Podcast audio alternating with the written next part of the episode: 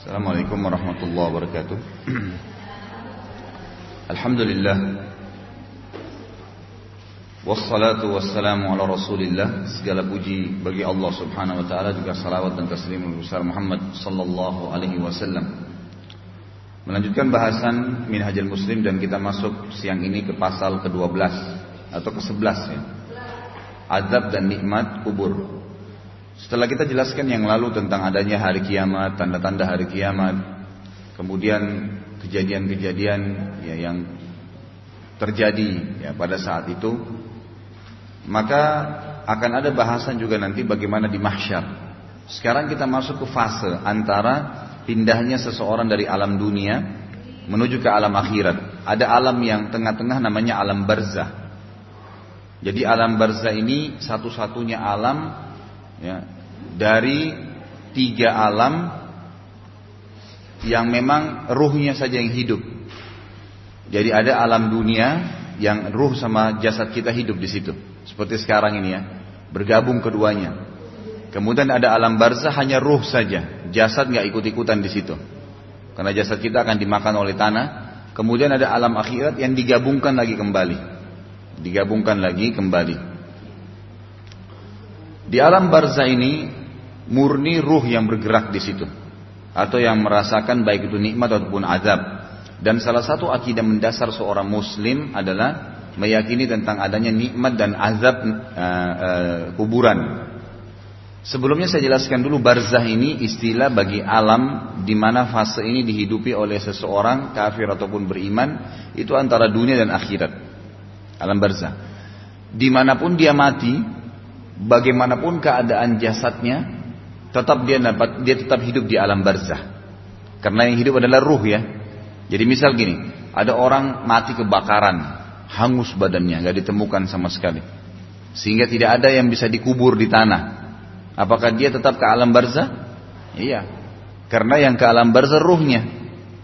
Kalau ada orang dimakan ikan, dimakan hewan, kena bom meledak, pesawatnya hancur, itu jasadnya saja yang hancur. Dan perlu diketahui, ruh dan jasad ini memang yang paling banyak mendapatkan cobaan sebenarnya adalah jasadnya. Jasad kita ini. Gitu kan? Jadi makanya kayak penyakit-penyakit itu ada yang di jasad.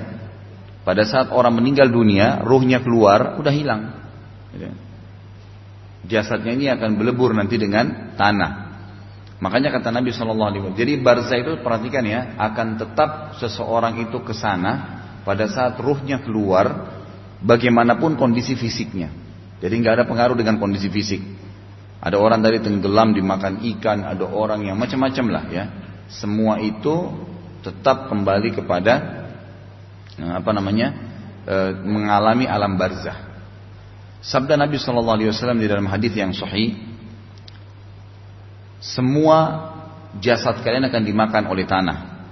Kecuali tulang ekor kalian yang dengannya lah atau darinya lah Allah bangkitkan kalian kembali. Yang mana Allah akan turunkan seperti hujan pada hari kiamat nanti. Yang air itu berbentuk seperti sperma laki-laki yang akan menyentuh setiap tulang ekor lalu kalian akan tumbuh seperti tumbuhnya ya, pohon.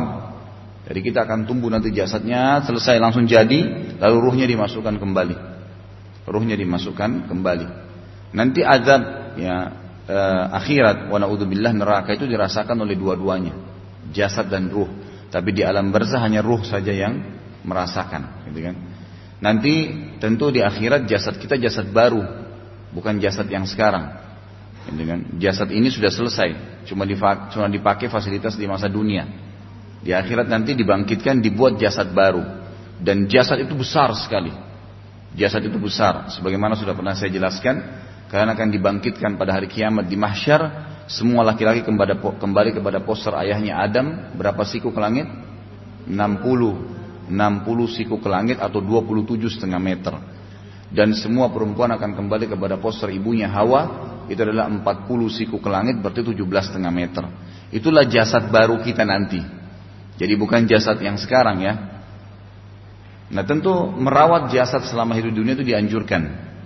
Kita disuruh mandi, bersihkan. Allah SWT berikan sensor. Kalau lagi nggak enak, lagi gerah, kita seakan-akan memang butuh air untuk mandi, membersihkan. Itu semua Allah ciptakan agar kita merawat jasad ini. Beda pahalanya orang yang merawat jasadnya sampai dia meninggal dengan orang yang tidak merawat. Ya, makanya Allah SWT menjelaskan dalam Al-Quran, A'udzubillahi minasyaitonirrajim, wala tuhliku anfusakum. Jangan kalian ya, binasakan jasad kalian. Nggak boleh disakitin jasad itu. Ya. Jadi seperti orang sengaja motong, sengaja narkoba, suntik-suntik itu semua termasuk merusak. Orang yang meninggal dalam kondisi merusak jasadnya, bukan karena takdir yang terjadi ya, bukan maksudnya di sini bukan karena Allah yang inginkan seperti ada orang kebakaran, emang dia mati tenggelam di lautan, kapal yang tenggelam lalu dimakan sama ikan itu lain. Ya. Itu memang Allah SWT sudah takdirkan begitu. Tapi kalau ada orang sengaja merusak jasadnya, tidak merawat, gitu kan, maka beda ya pahalanya antara orang meninggal dalam kondisi jasadnya terawat dengan tidak terawat. Itu ada pahala sendiri. Kita seperti menjaga amanah dari Allah Subhanahu wa taala. Yang tidak boleh kita merusak jasad kita, tidak boleh juga kita merusak jasadnya orang lain. Ini tidak boleh memukulnya, tidak boleh melukahinya kecuali dalam keadaan-keadaan di mana syariat bolehkan. Nah di alam barz nanti di akhirat kembali lagi itu. Nanti yang merasakan nikmat dan azab hari kiamat surga dan neraka adalah jasad dan ruh tapi jasadnya lebih besar. Di alam barza ruh saja. Dan dari sini juga ulama mengatakan ruh itu adalah ya, makhluk Allah yang elastis. Dia elastis, jadi dia bisa besar, bisa kecil, ya. Dia bisa uh, berbaur, ya. Itu semua uh, sifatnya ruh. Jadi seperti angin ini, dia bisa memenuhi semua ruang.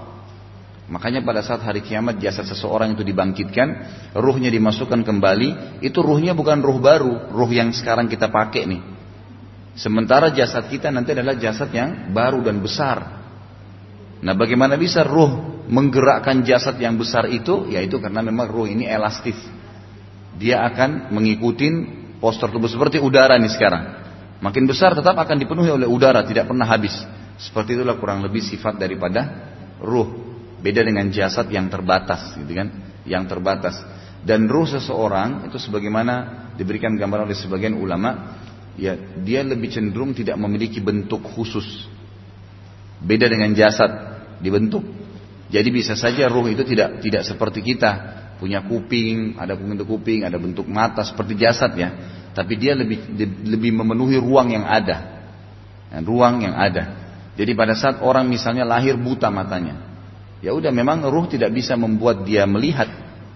Dia cuma memenuhi jasad itu. Yang tidak berfungsi di situ adalah urat saraf di matanya, jasadnya. Ruh nggak bisa memfungsikan.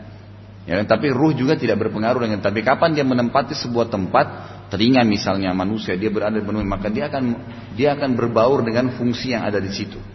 Ya, sekarang ini kalau bapak ibu bapak ibu mendengarkan saya, berarti yang mendengar adalah jasad dan ruh, dua-duanya. Tetapi bedanya hanya jasad berbentuk, ruh itu tidak berbentuk. Ya, dia seperti angin saja, tapi memang berpengaruh, punya sifat-sifat yang telah Allah swt berikan kepada makhluknya. Ya, ini dua ya yang apa namanya yang berbaur satu sama yang lain cuman dari tiga alam dunia, barza dan akhirat maka ada dua alam yang dihidupi oleh dua-duanya, jasad dan ruh, dunia dan akhirat, dan ada satu alam barzah yang hanya dihidupi oleh alam oleh alam ruh saja, oleh ruh saja. Ruh ini ya, dia akan merasa cocok dengan yang serupa dengannya. Sebagaimana kata Nabi SAW, al-arwahu junudum mujannadah. Ruh itu seperti pasukan yang banyak sekali. Mata Allah minhu talaf. Mana yang memang cocok mereka akan berbaur. Jadi memang ada orang yang pada saat ketemu dengan orang lain karena ruhnya itu serupa, dia bisa langsung cocok. Di sini ulama mengatakan jadi secara fitrah ya, secara fitrah langsung orang itu merasa cocok saja sama orang itu itu karena ruhnya ya seperti sama ya gitu. Dan apa yang tidak sama maka akan bentrok, tidak bisa berbaur. Sebagian ulama menjelaskan hadis ini mengatakan ini maksudnya adalah bukan punya sifat khusus tapi antara iman dan kufur. Jadi kalau misalnya orang beriman, maka dia akan selalu sama cocok dengan orang yang beriman. Orang kafir akan cocok dengan orang yang kafir. Tapi yang benar adalah pendapat pertama memang. Memang ruh ini punya sifat yang Allah ciptakan yang ada yang sama ya istilahnya dia e, sewarna ya setipe semuanya gitu. Ada yang tidak memang Allah ciptakan. Karena hadis tadi dikatakan begitu ruh itu seperti prajurit-prajurit pasukan yang banyak. Mana yang sepadan dengan dia dia akan langsung bisa berbaur.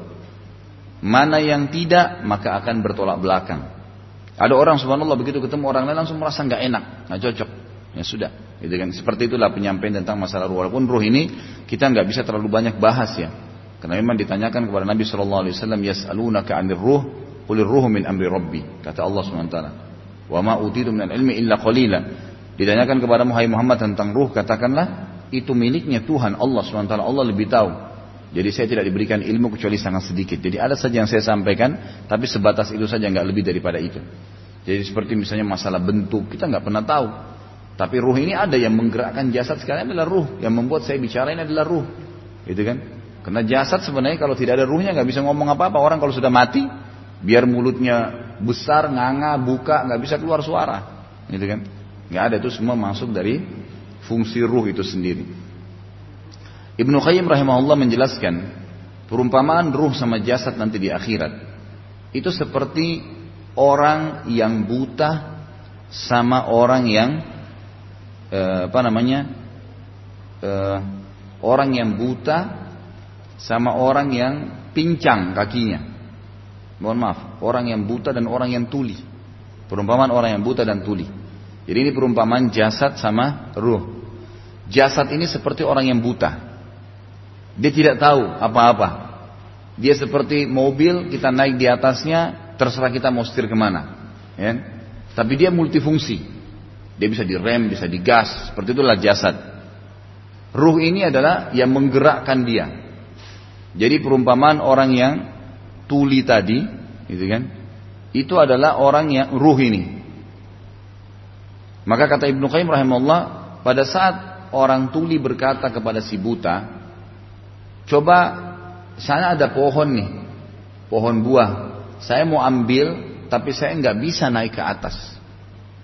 Saya harus naik di pundakmu supaya kamu bisa ya membantu saya mengambil buah nanti kita makan bersama. Kata si buta baiklah. Akhirnya si tuli ini naik ke punggung, kemudian jalan ke pohon tersebut, lalu si tuli memetik buah tersebut. Kemudian mereka menikmatin berdua. Maka kata Ibnu Qayyim, ini perumpamaan saja. Berarti nanti hari kiamat pada saat diberikan azab orang yang masuk neraka yang merasakan jasad dan ruhnya memang. Seperti tadi pada saat mereka bekerja sama mengambil ya, buah tadi. Itu perumpamaan saja ya, perumpamaan saja. Baik, kubur itu sendiri istilah yang digunakan di mana seseorang meninggal di situ. Ya, seseorang meninggal di situ. Tentu e, tidak harus tanah. Ada orang meninggal di atas bebatuan, bangunan, misal ya. Kemudian jasadnya itu ditutupin sama batu-batu di situ. Itu kan berarti jadi kuburannya. Atau misalnya memang jatuh di hutan, mati sampai membusuk. Tidak dimasuk dalam tanah. Tetap itu diistilahkan kuburannya. Tetap diistilahkan kuburannya. Jadi di mana seseorang meninggal itu bisa diistilahkan kubur. Diistilahkan kubur. Nah, hadis-hadis yang berbunyi tentang masalah kubur ini bahwasanya orang kalau lewat kuburan dianjurkan membaca doa, gitu kan? Berarti di mana pun ya, kita lewatin tempat. Seperti misalnya kita lewat di sebuah tempat, ditahu di situ pernah ada orang-orang yang meninggal dulu, tapi tidak tahu di mana letaknya, dikubur di mana dia, dimasukkan di mana. Maka itu semua kubur namanya, kuburan. Tempat orang meninggal di situ itu kuburan. Bahkan kadang-kadang rumah itu dikatakan kubur, gitu kan? Kalau ada orang meninggal di situ, maka dikatakan kuburan dia. Itu istilah kubur ya, istilah kubur. Nah di kubur ini dihubungkan dengan masalah kehidupan alam barzah tadi yang ada ruh di situ akan ada azab atau ada nikmat. Ada dua hal nih keadaan kuburannya. Nanti lebih jauh saya bacakan dalilnya. Kita lihat kata Syekh Abu Bakar Jazair rahimahullah di pasal ke-11 ini azab dan nikmat kubur. Seorang muslim beriman bahwasanya kenikmatan dan azab kubur serta pertanyaan dua malaikat di dalamnya adalah benar adanya. Ini bukan khayalan bukan cuma dongeng, tapi semua kita pasti akan menyaksikan. Pada saat meninggal malaikat maut cabut ruhnya, kemudian dia akan dimasukkan ke dalam kuburan dan dia benar-benar akan lihat mungkar dan nakir yang bertanya padanya. Dalam sebuah hadis Bukhari kata Nabi Shallallahu Alaihi Wasallam untuk lewat kuburan, beliau menanyakan kuburan siapa ini? Ada kuburan sudah tua sekali di Madinah gitu. Kata orang-orang Muslim sahabat, itu dulu ya Rasulullah dulu orang-orang sudah lama sudah tidak ada yang tahu kuburannya siapa ini. Sudah lama mungkin dari kakek-kakek kami yang dulu. Lalu kata Nabi SAW, demi zat yang ubun-ubunku dalam genggaman ini, maksudnya demi Allah, kalian pasti akan diuji nanti di kuburan dengan pertanyaan dua malaikat mungkar dan nakir tentang siapa ya nabi kalian. Ini berarti Nabi SAW kan ada pertanyaan siapa Tuhanmu, siapa nabimu, apa kitab, itu pertanyaan. Jadi Nabi SAW pastikan dalam hadis Bukhari ini memang akan ada pertanyaan di kuburan, akan ada pertanyaan di kuburan. Kita lihat di sini dikatakan itu benar adanya karena adanya dalil-dalil nakli dan akli berikut ini. Dalil-dalil nakli pertama beliau angkat surah Al-Anfal ayat 50 sampai 51. Bunyinya auzubillahi minasyaitonirrajim tentunya ini berita dari Allah Subhanahu wa taala tentang kenikmatan dan azab kubur seperti dalam firman-Nya Al-Anfal 50 51. A'udzu billahi minasyaitonir rajim walau tara idh yatawaffa alladhina kafarul malaikatu yadribuna wujuhahum wa adbarahum wa dhuqu adzabal hariq qaddamat aydikum wa anna Allah laisa bidhallamin lil abid. Kalau kamu melihat ketika malaikat, kalau seandainya kalian bisa melihat, gitu, artinya begitu ya. Pada saat para malaikat mencabut jiwa orang-orang yang kafir, seraya memukul muka dan belakang mereka dan berkata, rasakanlah olehmu siksa neraka yang membakar. Tentulah kamu akan merasa ngeri Demikian itu disebabkan oleh perbuatan tanganmu sendiri. Sesungguhnya Allah sekali-kali tidak menganiaya hambanya. Ayat ini menjelaskan kepada kita, awal tahap alam barzah adalah datangnya malaikat maut mencabut ruh. Yang itu karena yang hidup di sana adalah ruh. Jadi makanya ruhnya harus ditarik dari jasad dibawa ke alam barzah. Ini awal kehidupan barzah. Jasadnya ditinggalin sama kerabatnya disuruh urus, mandikan, bersihin kubur, kan gitu. Tapi ruhnya yang dibawa oleh para malaikat. Tentu nanti ruh ini akan kembali ke tempat di mana jasad itu dimasukkan ya. Misal seseorang dimasukkan di dalam satu makam pekuburan yang dia dimasukkan khusus misalnya umat Islam, pada saat dimasukkan nanti ruhnya akan dimasukkan juga ke dalam lubang itu. Ya, di lubang itu bukan berarti pergi ke tempat lain karena tempat yang sudah diniatkan untuk kuburan di dalam bumi itu akan menjadi alam barzah. Termasuk bagian daripada alam barzah. Walaupun alam barzah itu tidak terbatas dengan bumi. Dia akan sangat luas alam barzah itu. Alam yang lain memang gitu kan jadi tidak bisa dibatasi tapi puncaknya itu adalah termasuk bagian dalam adalah semua tanah yang dipakai untuk memasukkan jasad orang yang sudah mati itu bagian daripada alam barzah tapi bisa saja bukan itu ya seperti misalnya pada saat orang tadi mati tenggelam di lautan ya itu akan menjadi alam barzahnya dia ruhnya di situ Ya, karena jasadnya tidak ada. Sudah selesai. Ruhnya di situ, maka di situ sudah jadi alam barzah. Jadi alam barzah itu luas, mencakup di mana-mana. Di mana seseorang itu meninggal dunia. Jadi luas. Sebagian ulama menekankan alam barzah itu lebih luas daripada alam bumi. Allahu alam bagaimana? Karena ada hadis Bukhari yang berbunyi kalau seseorang sudah dimasukkan ke dalam jasad eh, ke dalam kuburan gitu kan lalu malaikat sudah menanyakan kepadanya pertanyaan bila dia orang beriman maka Allah akan berfirman kepada para malaikat luaskanlah kuburannya ini seluas pandangan matanya jadi setiap kuburan yang kita lihat kecil itu satu kali dua meter itu kalau orang beriman jadi seluas pandangan matanya dan pernah saya bawain buku ada judulnya buku itu 559 kisah alam barzah. Ada pernah saya bawa di sini itu Ibnu Rajab. Itu memang kisah-kisah nyata. Di antara kisah yang diangkat oleh beliau di situ menarik. Ada satu penjaga kuburan di Irak itu pernah e, duduk waktu capek setelah saya menggali sebuah kuburan. Kemudian dia tidak sengaja mengambil sebuah kayu lalu sambil mengorek-ngorek tanah kuburan yang ada di sebelahnya gitu kan. Nggak, nggak teras, nggak, waktu dia korek-korek ternyata jeblos ke dalam. Dia bilang pada saat jeblos ke dalam, dia lihat kok bisa ada kuburan jeblos ke dalam gitu kan. Biasanya kan padat dengan tanah. Dia bilang waktu saya lihat ke dalam, saya lihat kuburan itu seluas pandangan mata saya. Dalam lubang itu. Gitu kan. Dan banyak kisah, itu ada 559 kisah nyata. Ya, saya sarankan Bapak Ibu bisa baca buku itu ya. Pernah saya bawa, nggak tahu sekarang masih ada atau tidak. Nah, kalau ada coba dibaca. Dari situ nanti ada kisah, ya, dia seperti bukunya buku dosa-dosa besar tebalnya. Ya, seperti buku dosa-dosa besar. Enggak, enggak. Ada yang besar. Ibnu Rajab, kalau mau dicari toko buku ada. Itu 559 kisah alam barzah. Itu tebal seperti buku dosa-dosa besar. Di situ dua buku itu dibagi dua. Ada kisah tentang azab di kuburan, kisah-kisah nyata ya. Ada kisah tentang nikmat di kuburan. Jadi dia imbangin. Ada kisah tentang orang yang dibuka kuburannya, kemudian ditemukan jasadnya terbakar, ada yang tersiksa, ada yang ditemukan pada saat dibuka di dadahnya ada bunga mawar. Ya, itu kisah-kisah nyata. Jadi itu ada. Ada yang meninggal, lihat jenggotnya makin panjang pada saat ditemukan itu digali kuburan gitu kan. Itu kisah-kisah nyata terjadi. Allah SWT yang melihatkan tanda-tanda ini. Ini kisah nyata. Ibnu Rajab ya salah satu ulama yang terkenal ya. Beliau adalah salah satu ulama jadikan referensi. Maka beliau tidak mengarang-arang kisah itu. Memang kisah nyata yang di zamannya beliau saja itu. Sudah ada 500 sekian kejadian yang beliau ingat. Bagaimana dengan alam kita sekarang ini. Mungkin setelahnya juga akan terus ada akan terus ada. Baik, jadi ayat ini menjelaskan kepada kita tentang ya alam barzah itu di mana saja orang itu meninggal, maka ruhnya akan sampai di sana. Dan awal alam barzah adalah pada saat ruh seseorang dicabut dari jasadnya, itu sudah langsung dia menghadapi alam barzah. Mulailah awal perjalanan seperti kalau bayi baru lahir di muka bumi, langsung langsung apa yang dia bisa rasakan, mungkin udara yang terhidup, mungkin suara orang-orang. Mulailah awal awal awal kehidupan dunia itu. Begitu juga pada saat orang meninggal maka awal mulai dengan alam barzah, gitu kan? Iya, mulai di situ mulai. Makanya ayat ini menjelaskan. Kemudian ayat ini juga menjelaskan Bapak Ibu sekalian, itu kalau orang meninggal sementara dia berbuat fasik atau kafir, maka malaikat akan berbicara dengannya. Jadi pada saat itu kata Nabi SAW, ruhnya mau dicabut, ruhnya ketakutan, berantakan di tubuhnya. Lalu malaikat menarik dengan keras ruh-ruh itu. Jadi malaikat punya cara Allah berikan untuk menarik ruh tersebut. Jin, manusia, hewan, semua sama. Gitu kan? Itu akan melalui proses ditarik ruh, ditugaskan para malaikat.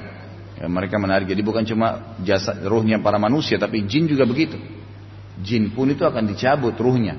Jin pun itu terdiri dari ruh dan juga ada jasad tapi jasad ini sifatnya Allah alam bagaimana gitu kan intinya manusia tidak bisa melihatnya tapi jin pun akan mati dicabut ruhnya oleh para malaikat nah kalau mereka pada saat itu ruhnya berantakan di tubuhnya ketakutan tidak mau maka malaikat ini akan berkata keluarlah kalian gitu kan dipaksa oleh para malaikat dan rasakanlah panasnya api neraka. Sebagian ulama mengatakan malaikat ya memiliki api yang memang api itu dibawa dari api neraka yang membakar, memanaskan ruh itu supaya ruh itu keluar. Seperti dikatakan dalam ayat ini, ya, dikatakan dihantam wajah dan bokong mereka ya, dan dikatakan rasakanlah panasnya api neraka. Jadi ini wajah mereka dipanasi dengan api dan bokong mereka dipanasi dengan api. Sebagian juga ulama merincikan dari ayat ini bahwasanya seseorang itu paling tersiksa kalau yang dia rasakan itu panas di bagian wajah dan bokongnya. Jadi kan? Jadi orang itu kalau demam masih badannya itu masih lebih ringan, tapi kalau sudah wajahnya yang panas itu sulit, gitu kan? Itu agak sulit. Ini bagian wajah ini bagian yang sangat pekah. Dan di sini berkumpul mayoritas anggota tubuh ya. Dalam satu wajah ini ada ada hidung, ada telinga, ada mata, ada mulut, ada lidah, ini, pekah sekali. Ya, ada otak, ini semua di bagian kepala nih, dibandingkan dengan bagian badan yang lain. Ya. Jadi memang tempat ini yang akan diberikan panasnya api neraka oleh para malaikat dengan bokongnya, ya, dengan bokongnya, gitu kan? Nah ayat ini juga sebagian ulama menuntunkan kalau mau dibacakan kepada orang-orang yang sedang kesurupan setan. Jadi kalau kena surupan lalu dirukia, kemudian memang syaitannya keras kepala nggak mau keluar, kalau dia sesama jenis bisa dipegang wajahnya, kemudian dibacakan ayat ini. Nah, ini akan akan dengan sendirinya dia akan merasakan panasnya api dengan izin Allah bagaimana Allah alam bisa membakar si syaitan tadi. Karena ini juga menjelaskan ayat ini menjelaskan masalah itu. Kemudian diangkat oleh beliau dalil yang kedua adalah surah Al-An'am ayat 93 sampai 94. Ini sama prosesi ya ruh dulu ya, ruh keluar. Ini awal alam barzah. A'udzu billahi minasyaitonir rajim walau tara idz zalimuna fi gamaratil maut wal malaikatu basitu aydihim akhriju anfusakum al yawma tujzauna adzabal hun bima kuntum taquluna 'ala Allah بما كنتم تقولون على الله غير الحق وكنتم عن آياته تستكبرون. ولقد جئتمونا فرادا كما خلقناكم أول مرة وتركتم ما خولناكم وراء ظهوركم وما نرى معكم شفعاءكم الذين زعمتم أنهم فيكم شركاء. لقد تقطع بينكم وضل عنكم ما كنتم تزعمون. Alangkah dahsyatnya sekiranya kamu melihat di waktu orang-orang yang zalim berada dalam tekanan-tekanan sakaratil maut. Sedang para malaikat memukul dengan tangannya sambil berkata keluarkanlah nyawamu. Di hari ini kamu dibalas dengan siksaan yang menghinakan karena kamu selalu mengatakan terhadap Allah perkataan yang tidak benar dan karena kamu selalu menyombongkan diri terhadap ayat-ayatnya. Diingatkan nggak boleh haram tutup aurat sholat nggak mau tahu ini dirasakan sekarang. Dan sungguhnya kamu datang kepada kami sendiri-sendiri sebagaimana kamu, kamu kami ciptakan pada mulanya. Kalau dulu kamu bangga kamu punya teman, kamu punya bawahan, kamu punya bodyguard, kamu punya apalah ya, kendaraan, punya rumah, punya jabatan, punya ijazah. Sekarang kalau sudah mati nggak ada yang dibawa. Kalian akan datang kepada kami sendiri. Ini sebagaimana kami ciptakan kalian di awal mulanya. Dan kamu tinggalkan di belakangmu dunia apa yang telah kamu kami karuniakan kepadamu. Semua rumah mobil segala akan ditinggalkan. Dan kami tiada melihat besertamu pemberi syafaat yang kamu anggap bahwasanya mereka itu sekutu-sekutu Allah di antara kamu. Mana orang yang dulu bilang teman kita nanti saya yang tanggung. Emang benar dia mau masuk ke liang lu liang lahat bersama kita? Nggak bakalan. Itu kan? Itu omong kosong nggak bakal mungkin. Sungguh telah terputuslah ya, pertalian antara kamu dan telah lenyap darimu apa yang dahulu kamu anggap sebagai sekutu Allah. Orang-orang yang nyembah berhala, patung-patung, pohon-pohon, semua nggak ada. Mana? Nggak ada yang ikut pada saat mati dan ini ulama mengatakan ayat ini adalah ayat yang paling besar dan mulia menantang orang-orang yang masih menyekutukan Allah Azza wa Jalla masih minta-minta kepada kuburan, masih percaya pada setan-setan, semua makhluk yang menghinakan itu, ya akhirnya mereka menyesatkan manusia dari jalan Allah Subhanahu wa taala. Jadi ayat ini jelas memberikan gambaran kepada kita tentang prosesi Allah berikan peringatan, hati-hati kalau seandainya kalian bisa lihat, saking kita nggak bisa lihat. Bagaimana orang-orang zalim, orang-orang kafir pada saat menghadapi sakaratil maut. Ada sebagian ulama ya, tapi ini tidak memiliki dalil yang jelas mengatakan prosesi ruh gitu kan? Itu pada saat dicabut mungkin ya kita yang masih hidup ini melihat prosesnya sangat cepat. Tapi bisa saja kata para ulama antara ruh dengan malaikat ini punya perhitungan waktu sendiri pada saat itu. Karena memang Allah Azza wa dalam ayat-ayat seperti ini menjelaskan mereka merasakan sakit ya kan? pasti beda sakit yang seketika saja misalnya sabetan pedang selesai dengan yang diiris-iris kan beda. Pasti beda rasanya. Maka kemungkinan besar ruh-ruh ini memang melalui prosesi tertentu yang Allah inginkan pada saat dikeluarkan dengan dimensi waktu yang berbeda. Kita nggak tahu, gitu kan? Karena kita akan temukan nanti banyak sekali hadis Nabi SAW yang berbunyi kalau orang beriman meninggal dunia, gitu kan? Maka akan datang kepadanya malaikat dua di kiri kanannya malaikat rahmah, malaikat maut akan bicara Hai jiwa yang baik, keluarlah kepada pengampunan Tuhanmu. Ya kan? Kemudian ada hadis lain yang juga berbunyi pada saat merincikan firman Allah, pada saat orang-orang beriman itu mati maka akan turun tatanazzalu alaihimul malaika, akan turun kepada mereka banyak malaikat yang menyampaikan kepada mereka Allah khaufun alaikum wala antum tahzanun. Kalian enggak usah takut, kalian enggak usah sedih. Kata sebagian ulama, nanti malaikat-malaikat yang menyampaikan, kamu akan masuk surga, ini loh amal soleh yang kau kerjakan, ini loh sholat yang diterima, ini loh gini. Jadi itu proses pada saat dicabut ruh tuh. Gitu kan? Jadi kita lihat panjang kan ceritanya ini. Nah bagaimana bisa manusia melihat seketika Allah alam itu jadi seperti ada dimensi, ada dimensi waktu sendiri yang kita tidak tahu. Allah alam, gitu kan? Jadi jangan orang juga di sini menganggap remeh, oh gampang rohnya dicabut selesai. Enggak seperti itu, walaupun tiba-tiba tergeletak ya. Di situ ada kata ulama, sebagian ulama ya, ada perputaran, ada dimensi waktu yang kita tidak tahu. Allahu alam. Semoga Allah selamatkan kita dari hal-hal seperti yang menakutkan ya. Mudah-mudahan kita bisa selamat. Tapi seperti itulah ya tanggapan para ulama. Juga ada hadis Bukhari yang Nabi Shallallahu Alaihi Wasallam berkata kepada para sahabat, siapa yang rindu bertemu dengan Allah, Allah akan rindu bertemu dengannya. Siapa yang benci bertemu dengan Allah, Allah akan benci bertemu dengannya. Lalu kata kata kata Aisyah anha, semua kita jadi tiba-tiba jadi ketakutan dengan sabda Nabi SAW ini. Artinya siapa yang tidak takut mati, gitu kan? Maka Aisyah berkata, ya Rasulullah, apakah seseorang di antara kami kalau takut menghadapi kematian berarti dia benci bertemu dengan Allah? Kata Nabi SAW bukan begitu, hai Aisyah. Tapi seseorang di antara kalian kalau meninggal dan memiliki banyak amal soleh, gitu kan? maka akan berdatangan padanya malaikat menyampaikan ini loh ibadah kamu, ini sholat kamu, ini pada saat kau taubat, ini pada saat kau bakti dengan orang tua, ini pada saat kau haji umrah, ini pada saat kau bersodokah, semua ini diterima sama Allah. Nanti dengan ini kau akan masuk di sini, diperlihatkan surganya, gitu kan? Ya, itu pada saat itu proses itu. Jadi malaikat ini turun menyampaikan berita itu pada saat prosesi pencabutan ruh itu. Bahkan sebagian ulama mengatakan malaikat-malaikat ini cuma hitungan beberapa saat saja sebelum malaikat maut mencabut ruh itu disampaikan. Sehingga memudahkan orang-orang beriman itu ridho rela ruhnya dicabut. Gitu kan? Karena tahu apa yang dia bisa dapatkan di sana.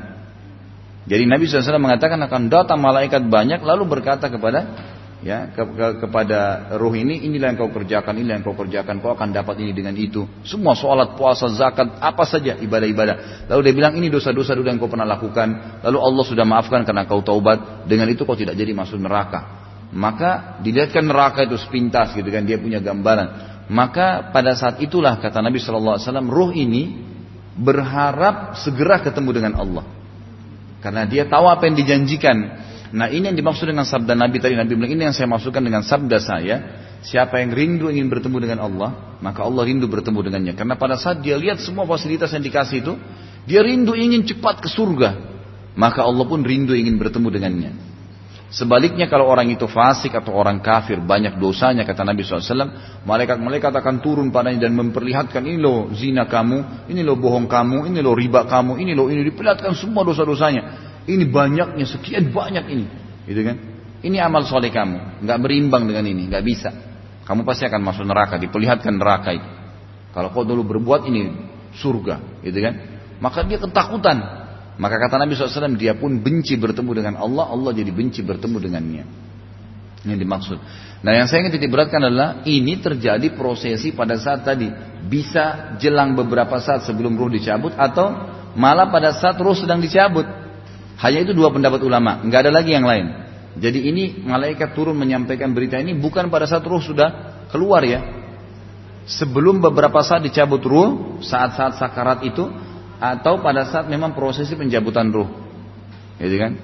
Jadi pada saat itulah yang terjadi ini. Berarti memang ada dimensi waktu di sana, kita tidak tahu.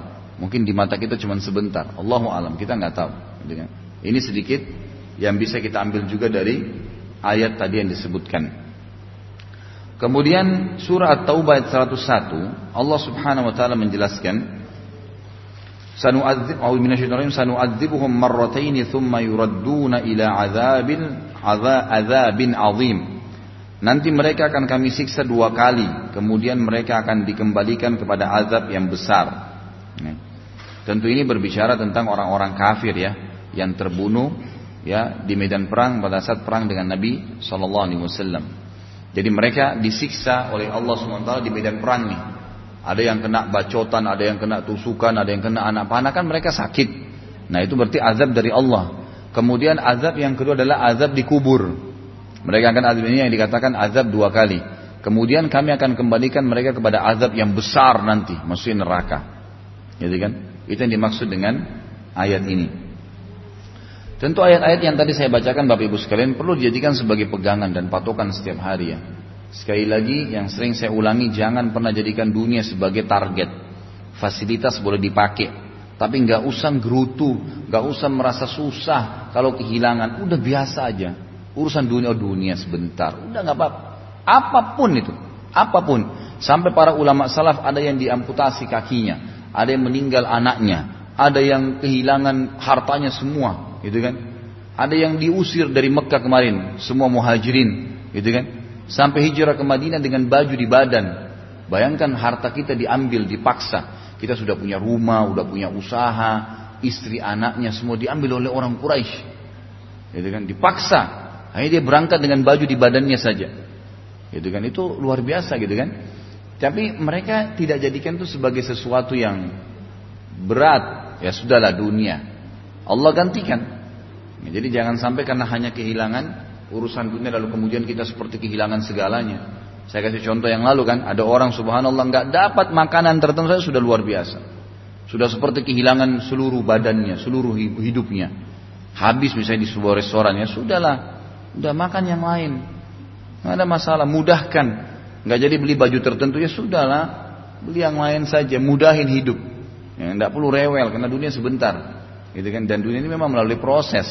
Sehari kita dapat sehari enggak. Sehari kita sehat sehari kita sakit. Memang begitu. Kalau mau yang nyaman memang akhirat.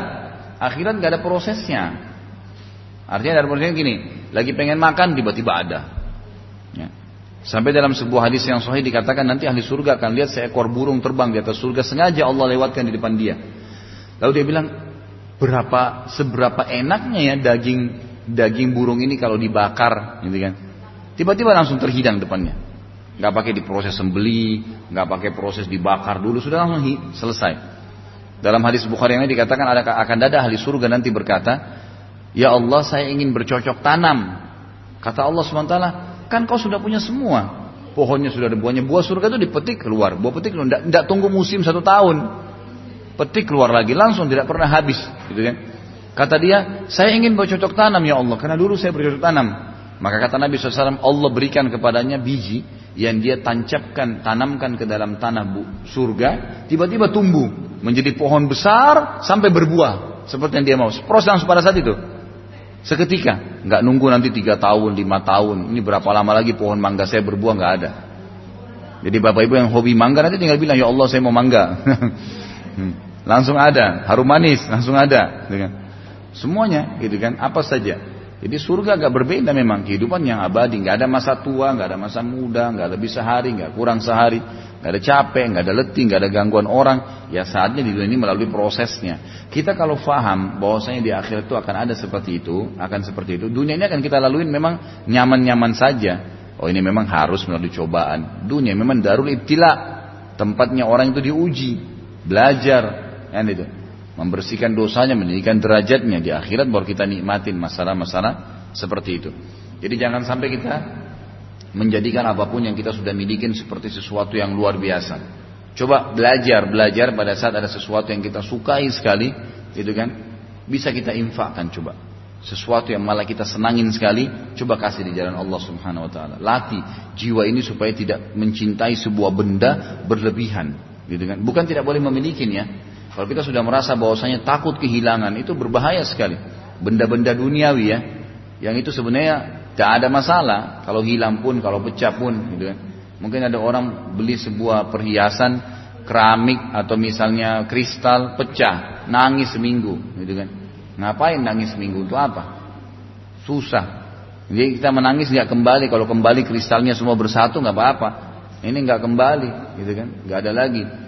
Semua yang sudah pernah kita keluarkan dari badan kita tidak bisa ditarik kembali. Bahkan kalau mau dikembalikan kita tidak mau. Apa yang mesti disedihkan? Gitu kan? Yang masuk juga sifatnya kalau tidak segera dimasukkan bisa rusak, makanan dan minuman. Kalau juga selesai di badan tidak dibutuhkan, tidak segera dikeluarkan jadi penyakit. Kalau sudah dibuang pun kita nggak berharap kembali ke kita. Ada yang mau makan kotorannya lagi? Itulah dunia, perumpamaan dunia. Ya kata para ulama, seseorang muslim dan mukmin ya, mukmin dan mukminah semestinya menjadikan dunia ini, mohon maaf ini bahasa mereka ya, seperti tempat buang air besar dan buang air kecil, seperti WC. Tempat dia datang menyelesaikan hajatnya tinggalin. Sehingga nilainya WC itu hanya pada saat kita butuhkan. Mau keluar nih dari rumah, emang butuh, perlu sesuatu. Jangan buang-buang waktu di jalan, gak ada gunanya. Habisin waktu ada orang subhanallah Ramadan dari pagi sampai buka puasa di mall. Nggak beli nggak apa, habisin waktu ngapain? Kan di rumah bisa adem. Saya tanya sambil jalan di mall bisa baca Quran, bisa zikir. Malah berbahaya matanya lihat sana sini, telinganya dengar yang haram. Kadang-kadang akhirnya memaksakan diri nunggu, waduh masih lama nih buka puasa. Ngapain? Untuk apa? Cari aktivitas yang positif, gitu kan? Buat kek buka puasa, kasih masjid dekat rumah, baca kek target 5 lembar, 5 juz sehari, 3 juz sehari. sehingga bisa berapa kali khatam gitu kan. Banyak sekali zikir bisa dibaca hadir di majelis ilmu dengarkan ceramah. Nggak ada waktu bagi orang beriman tuh tidak ada waktu untuk buang-buang waktu yang tidak ada bermanfaat tidak ada manfaatnya. Nggak ada sama sekali manfaatnya. Ada orang subhanallah keliling lihat tas mutar dua jam. Ngapain? Hanya untuk ditaruh di tangannya ibu-ibu begini saja selesai oh tuh tulisannya merek ini hanya untuk digantung apa ini? Gitu. perlu artinya boleh dipakai ya, tapi jangan sampai, oh seperti sudah luar biasa. Akhirnya membuat dia sombong, membuat dia begini, memaksakan diri akhirnya bertengkar sama suaminya hanya karena minta tas itu harus dibelikan temannya, temannya, teman-temannya semua beli.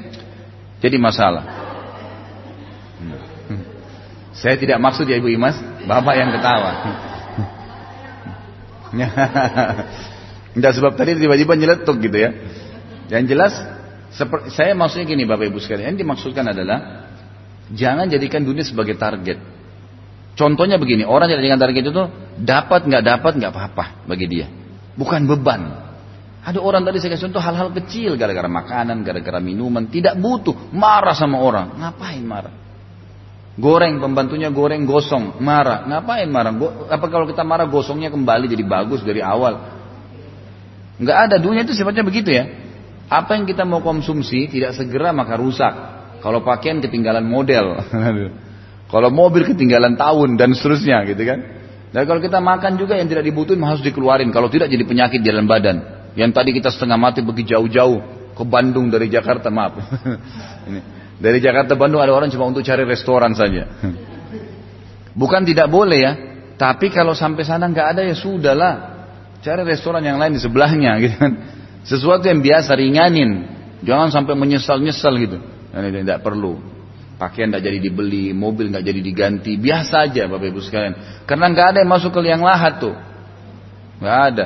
Kita lahir telanjang dibungkus dengan satu selimut oleh suster, juga mati sama. Dibuka semua bajunya. Oleh orang yang mandikan, pakai kain kafan dua tiga lembar, masukin ke kuburan, selesai.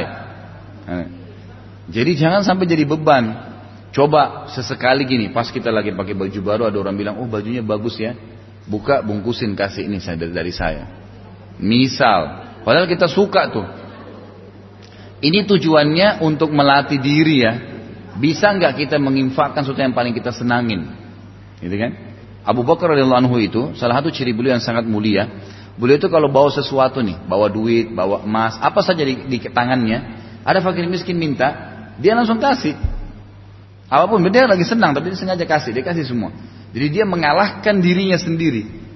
Dia mengalahkan dirinya sendiri. Ada juga bab-bab khusus itu namanya bab muhasabah. Itu banyak kalau kisah-kisah orang soleh dulu itu pada saat mereka melakukan satu perbuatan salah, misalnya kakinya melangkah ke perbuatan tempat yang salah, itu dia menghukum kakinya, dicambuk kakinya sendiri. Kadang-kadang begitu, kan gitu.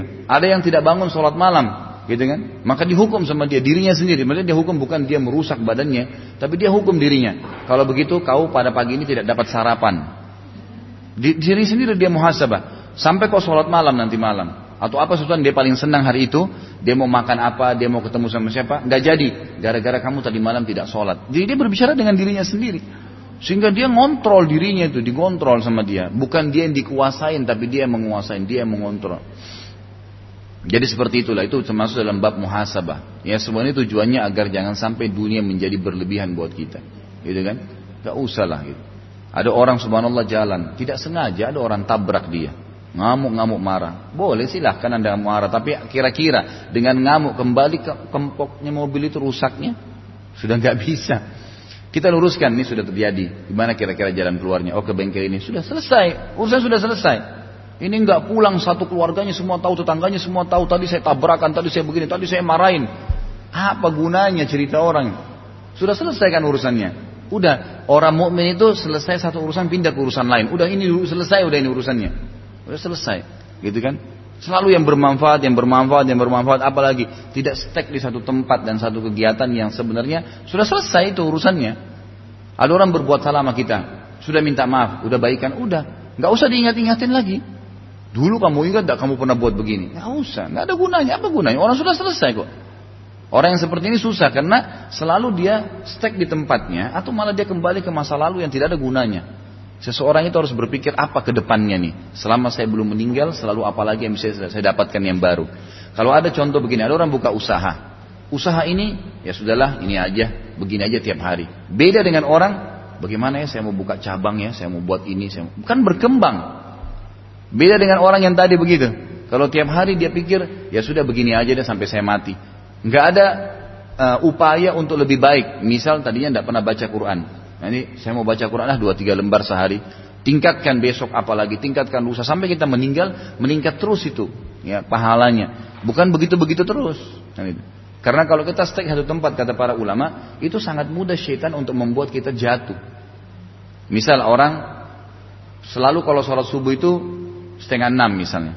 Dia nggak berusaha memperbaiki, mundur ke waktu azan. Saya mau coba maka setan akan berusaha supaya dia bertahan di situ. Dan itu lebih mudah bagi setan untuk membuat dia sampai jam 7 baru sholat, jam 8 baru sholat dibandingkan dia kembali ke waktu subuh azan tadi. Lebih mudah bagi setan menggelincirkan dia, gitu kan? Lebih berat bagi dia untuk kembali ke sholat subuh yang tepat waktu. Makanya dia harus bermuhasabah di sini. Dia tidak boleh tinggal di satu tempat. Setan itu proaktif terus. Ya. Terus dia non stop. Nah kita tidak boleh lalai. Bagaimana kalau musuh kita terus bekerja dan kita diam? Nggak mungkin. Orang sudah pakai pesawat tempur, kita masih belum pikirin itu. Kita masih membuat senapan-senapan dari kayu misal. Nggak bakal bisa. Orang sudah sampai di mana nih? Sekali buang bom seluruh Indonesia bisa habis. Kita masih sibuk dengan kisah tentang senapan kayu. Nggak bisa.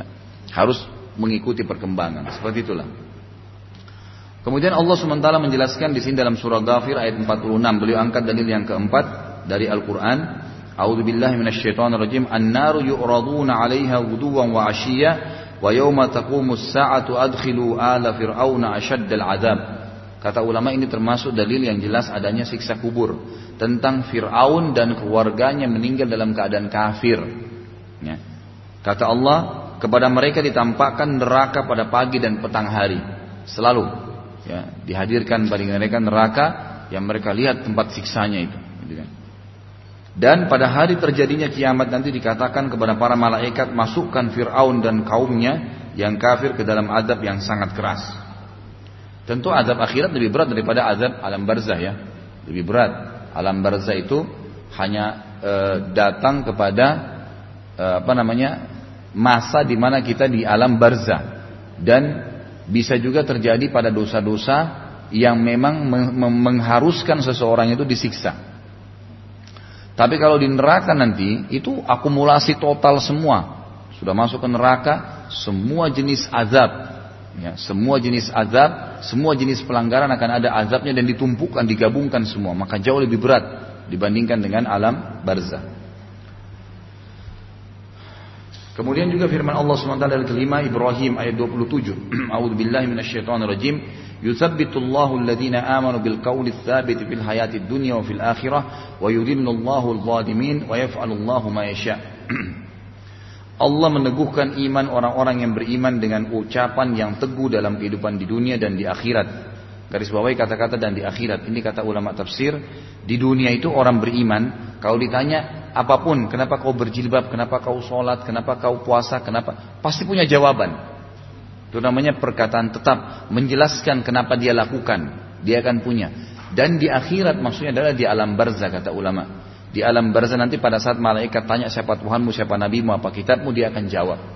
Itulah yang dimaksud dengan Allah meneguhkan iman, ya, orang-orang yang beriman dengan ucapan yang teguh, artinya bisa menjawab, gitu kan? Di dalam kehidupan dunia, setiap orang tanya di dunia dan di akhirat maksudnya di awal-awal alam akhirat adalah alam barzah. Dan Allah menyesatkan orang-orang yang zalim dan berbuat apa yang dia kehendaki. Kalau orang berbuat dosa, umumnya kalau ditanya, dia pasti berbuat dosa yang lain, bohong lagi. Kamu habis zina ya? Enggak. Kamu habis ini ya? Enggak. Jadi dia tidak bisa, dia tidak punya ucapan yang teguh. Enggak ada orang buat dosa, oh iya saya lakukan. Memang saya begini. Jarang sekali, mungkin dikatakan tidak ada. Maka Allah SWT akan menetapkan di lisan orang-orang yang beriman. Allahu alam. Kemudian yang kedua informasi Rasulullah SAW mengenai hal itu seperti dalam sabdanya. Kata Nabi sallallahu alaihi wasallam, "Innal 'abda idza wudi'a fi qabrihi wa tawalla anhu ashabuhu wa innahu la yasma'u qar'a qar'a ni'alihim." Atahu malakani fayuq'idanihi fayaqulani lahu ma kunta taqulu fi hadha ar-rajul li Muhammadin sallallahu alaihi wasallam. فأما المؤمن فيقول أشهد أنه عبد الله ورسوله فيقال له انظر إلى مقعدك من النار قد أبدلك الله به مقعدا من الجنة فيراهما جميعا. وأما المنافق أو الكافر فيقولان له ما كنت تقول في هذا الرجل؟ فيقول لا أدري. قلت أقول ما يقول الناس. فيقال له لا دريت ولا تليت. ويضرب بمطارق من حديد ضربة فيصيح صيحة يسمعها من يليه غير الثقلين Sesungguhnya seorang manusia apabila telah diletakkan di dalam kuburnya dan ditinggalkan oleh para pengantarnya, dimasukkan ke dalam tempat yang dianggap kuburannya, gitu kan? Seperti misalnya ada orang yang pada saat jasadnya dimasukkan ke dalam sebuah kolam, misal maka itu menjadi kuburannya tadi saya sudah jelaskan ya. Atau ke dalam tanah. Intinya seperti itu. Lalu ditinggalkanlah. Bisa saja jasadnya itu utuh. Mungkin dibalsemin mungkin di apa mungkin. Tapi tetap ruhnya hidup di alam barzah. Sesungguhnya ia mendengar bunyi gesekan sandal mereka. Lalu ia didatangi oleh dua malaikat. Kemudian dua malaikat itu mendudukkannya dan berkata kepadanya Bagaimana menurut menurut keyakinanmu tentang laki-laki itu? Maksudnya Nabi Muhammad SAW. Maka seseorang seorang mukmin akan menjawab, aku bersaksi bahwasanya dia adalah hamba dan utusan Allah. Kata ulama ini hanya akan dijawab oleh orang-orang yang beriman. Sebagaimana tadi Al-Quran ayat surah Ibrahim ayat 27. Sebelumnya ya menjelaskan masalah itu. Jadi hanya orang beriman yang bisa jawab bahwasanya Nabi Muhammad SAW adalah utusan Allah. Lalu dikatakan kepada mayat tersebut, lihatlah tempat dudukmu dari neraka telah diganti oleh Allah dengan tempat duduk di, dari surga. Maksudnya tempat tinggal ya. Jadi kita ini sekarang, sekarang ini kita yang masih hidup punya tempat di surga dan punya tempat di neraka. Walaupun orang kafir juga sama. Nanti yang menentukan pada saat dia meninggal. Kalau dia meninggal dalam kondisi dia beriman, memang layak masuk surga, maka dilihatkan ini tempat kau di neraka. Tapi sekarang Allah ganti. Ini nggak dipakai lagi, dikasih kepada orang-orang kafir, ini tempat kau di surga. Kalau dia orang kafir, punya tempat di surga, sampai dia meninggal. Nanti kalau dia meninggal, Allah perlihatkan pada dia melalui malaikat ini tempat kau di surga. Kalau kau dulu beriman ini, tapi karena kau meninggal kafir, maka ini dikasih kepada orang beriman, ini tempat kau di neraka. Kalau dia orang fasik, maksiat, muslim tapi banyak maksiat, harus masuk neraka dulu. Maka tempat di nerakanya dia pakai sampai selesai azabnya, baru kemudian dia masuk ke dalam istananya di surga. Jadi seperti itu. Dikatakan di sini maksudnya adalah Nabi Muhammad SAW. Lalu dia berkata, aku bersaksi bahwasanya dia adalah hamba dan utusan Allah. Lalu dikatakan kepada mayat tersebut, lihatlah tempat dudukmu, maksudnya ya tempat tinggalmu di neraka telah diganti oleh Allah dengan tempat duduk atau tempat tinggal di surga, atau dari surga. Si mayat itu pun melihat kedua tempat tempat tinggal tempat duduk tersebut. Adapun terhadap orang munafik atau orang kafir, maka kedua malaikat itu akan bertanya kepadanya bagaimana menurut keyakinanmu tentang laki-laki itu. Maka ia akan menjawab, aku tidak tahu, aku mengikuti apa yang diyakini banyak orang. Lalu dikatakan kepadanya, kamu tidak tahu dan juga tidak mengikutinya. Sambil dipukul satu kali dengan palu yang terbuat dari besi. Sehingga ia berteriak keras yang dapat didengar oleh semua makhluk kecuali jin dan manusia. Ini dalam hadis Bukhari. Gitu kan. Sampai dikatakan di dalam hadis adalah hadis yang lain riwayatnya dikatakan maka malaikat menghantamnya dengan sebuah besi yang besi tersebut ya kalau seluruh jin dan manusia bersatu untuk membaliknya mereka tidak akan mampu. Lalu dihantamkan kepada mayit dan dia teriak-teriakan yang semua makhluk Allah mendengarkan kecuali jin dan manusia dan kalau jin dan manusia mendengarkan cambukan tersebut mereka akan meninggal seketika. Jadi saking kerasnya gitu. Hadis yang lain riwayat Bukhari juga diangkat oleh beliau sabda Nabi SAW, "Idza mata ahadukum urida alaihi maq'aduhu bil ghada bil, bil gadati wal ashi. In kana min ahli an-nari fa min ahli an-nar, fayuqalu lahu hadza maq'aduka hatta yab'atsaka Allahu ila yaumil qiyamah." Apabila salah seorang dari kalian atau dari kamu meninggal, maka ditampakkan kepadanya tempat tinggal dan tempat duduk di waktu pagi dan petang. Dan petang. Jika orang itu termasuk penghuni neraka, maka tempat duduknya atau tempat tinggalnya dari dari penghuni neraka ya dilihatkan dari neraka. Lalu dikatakan kepadanya inilah tempat dudukmu sampai Allah membangkitkanmu nanti sampai hari kiamat. Artinya akan disiksa ya dengan siksaan tadi itu. Ya, siksaan yang dia akan rasakan bagian daripada amin neraka tapi dengan hikmah Allah ya. Kita tidak tahu bagaimana prosesi itu. Ucapan beliau juga Nabi SAW pada saat berdoa ya ini sebelum salam dalam hadis Bukhari Allahumma inni a'udzubika min azabil qabri wa min azabin nari wa min fitnatil mahya wal mamati wa min fitnatil masih dajjal Ya Allah, sungguhnya aku berlindung kepadamu dari azab kubur, dari azab neraka, dari cobaan fitnah kehidupan dan kematian, serta dari fitnah al-masih dajjal. Sudah pernah kita jelaskan hadis ini ya. Tapi yang jelas sini ada kalimat dan daukan kami dari azab kubur. Azab kubur kita minta dijauhkan darinya. Ya, semoga Allah menjaga ya. Sabdanya juga pada saat melewati dua kuburan di dalam hadis yang diriwayatkan oleh Imam Bukhari juga, innahuma yu'adzabani wa ma yu'adzabani min, ثم قال qala أما أما أحدهما فكان يسعى بالنميمة وأما الآخر فكان لا يستتر من بولي. Sesungguhnya keduanya sedang disiksa dan mereka tidak disiksa karena perkataan atau perkara besar, maksudnya yang dianggap besar oleh manusia. Padahal sebenarnya itu besar di sisi Allah Subhanahu wa taala. Kemudian beliau bersabda, bahkan mereka disiksa karena dosa besar. Ya, besar sebenarnya tapi mereka anggap remeh. Adapun salah satu dari keduanya maka ketika di dunia ini suka mengadu domba sedangkan yang lain karena ketika di dunia tidak menjaga dirinya dari air seninya. Maksudnya tidak cebok yang bersih. Ya, Pada saat kencing dan buang air besar. Ya. Ini berarti menjadi penyebab azab kubur. Jadi tidak cebok itu dosa besar, gitu kan? Seperti itulah gambarannya. Makanya harus hati-hati percikan-percikannya itu harus lebih rapi. Tapi jangan juga was-was ya. Ada orang juga terbawa terlalu berlebihan. Yang ketiga berimannya jutaan ulama, orang-orang saleh dan orang-orang mukmin dari umat Nabi Muhammad SAW dan umat-umat yang lain karena eh, kepada adanya azab kubur dan kenikmatannya serta segala apa yang diriwayatkan berkenaan dengannya. Ini adalah dalil-dalil nakli. Akhi sebentar. Nah, biar tuh sebentar. Baik kita masuk ke dalil-dalil akli.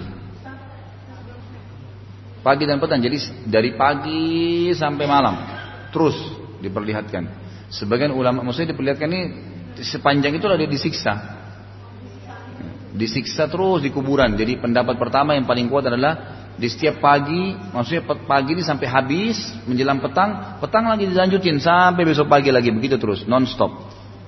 Ada pendapat lain yang mengatakan disiksa terus non stop, tapi diperlihatkan tempatnya di neraka sambil disiksa nih loh neraka tempat kamu setiap pagi dilihatin. Ini nanti akan nyusul kamu nih. Ini sekarang cuma kecil, nanti di sana akan disediakan lebih berat. Di pagi dan petang hari. Dua-duanya pendapat ini. Ya. Tapi Allah alam pendapat yang pertama itu yang lebih kuat. Ya, jadi nanti kalau kamu masuk neraka ini loh tempat kamu. Kan itu yang yang yang yang tahu, yang butuh timbangan itu adalah orang beriman saja kan. Tapi kalau orang kafir, orang munafik, udah nggak ada urusan sama timbangan amalnya. Orang kafir itu nggak pakai ditimbang amalnya lagi tuh.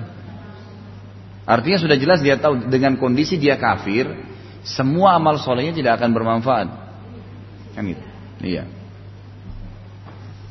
Baik, dalil akli secara akal. Yang pertama keimanan seseorang kepada Allah, kepada para malaikat dan kepada hari kemudian atau kiamat mempunyai konsekuensi iman karena adanya azab dan kenikmatan kubur serta segala yang berkenaan dengannya. Sebab semua masalah itu termasuk masalah gaib maka barang siapa yang beriman kepada sebagiannya maka secara akal sehat ia wajib dan harus beriman kepada sebagian yang lainnya.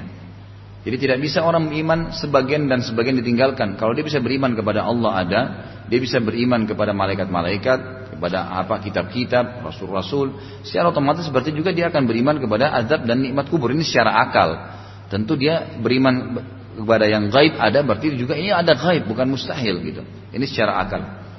Yang kedua, masalah azab kubur atau kenikmatannya atau apa saja yang terjadi di dalamnya seperti pertanyaan kedua malaikat bukan hal yang dinafikan oleh akal atau dianggap tidak mungkin. Bahkan sebaliknya akal sehat pasti membenarkannya dan memberikan kesaksian akan kebenarannya. Sebagaimana ada prosesi pencabutan ruh. Sebagaimana pekah ya kalau kita pekah sekali kayak saya bilang pendamping kita dari malaikat yang dikenal dengan hafallah. Hafallah itu yang menjaga manusia ya. Jadi kita kalau niat mau bangun sholat malam, ah nanti kita terbangun. Ada bisikan dalam hati untuk sholat, eh sahajud tuh. Ya, gitu.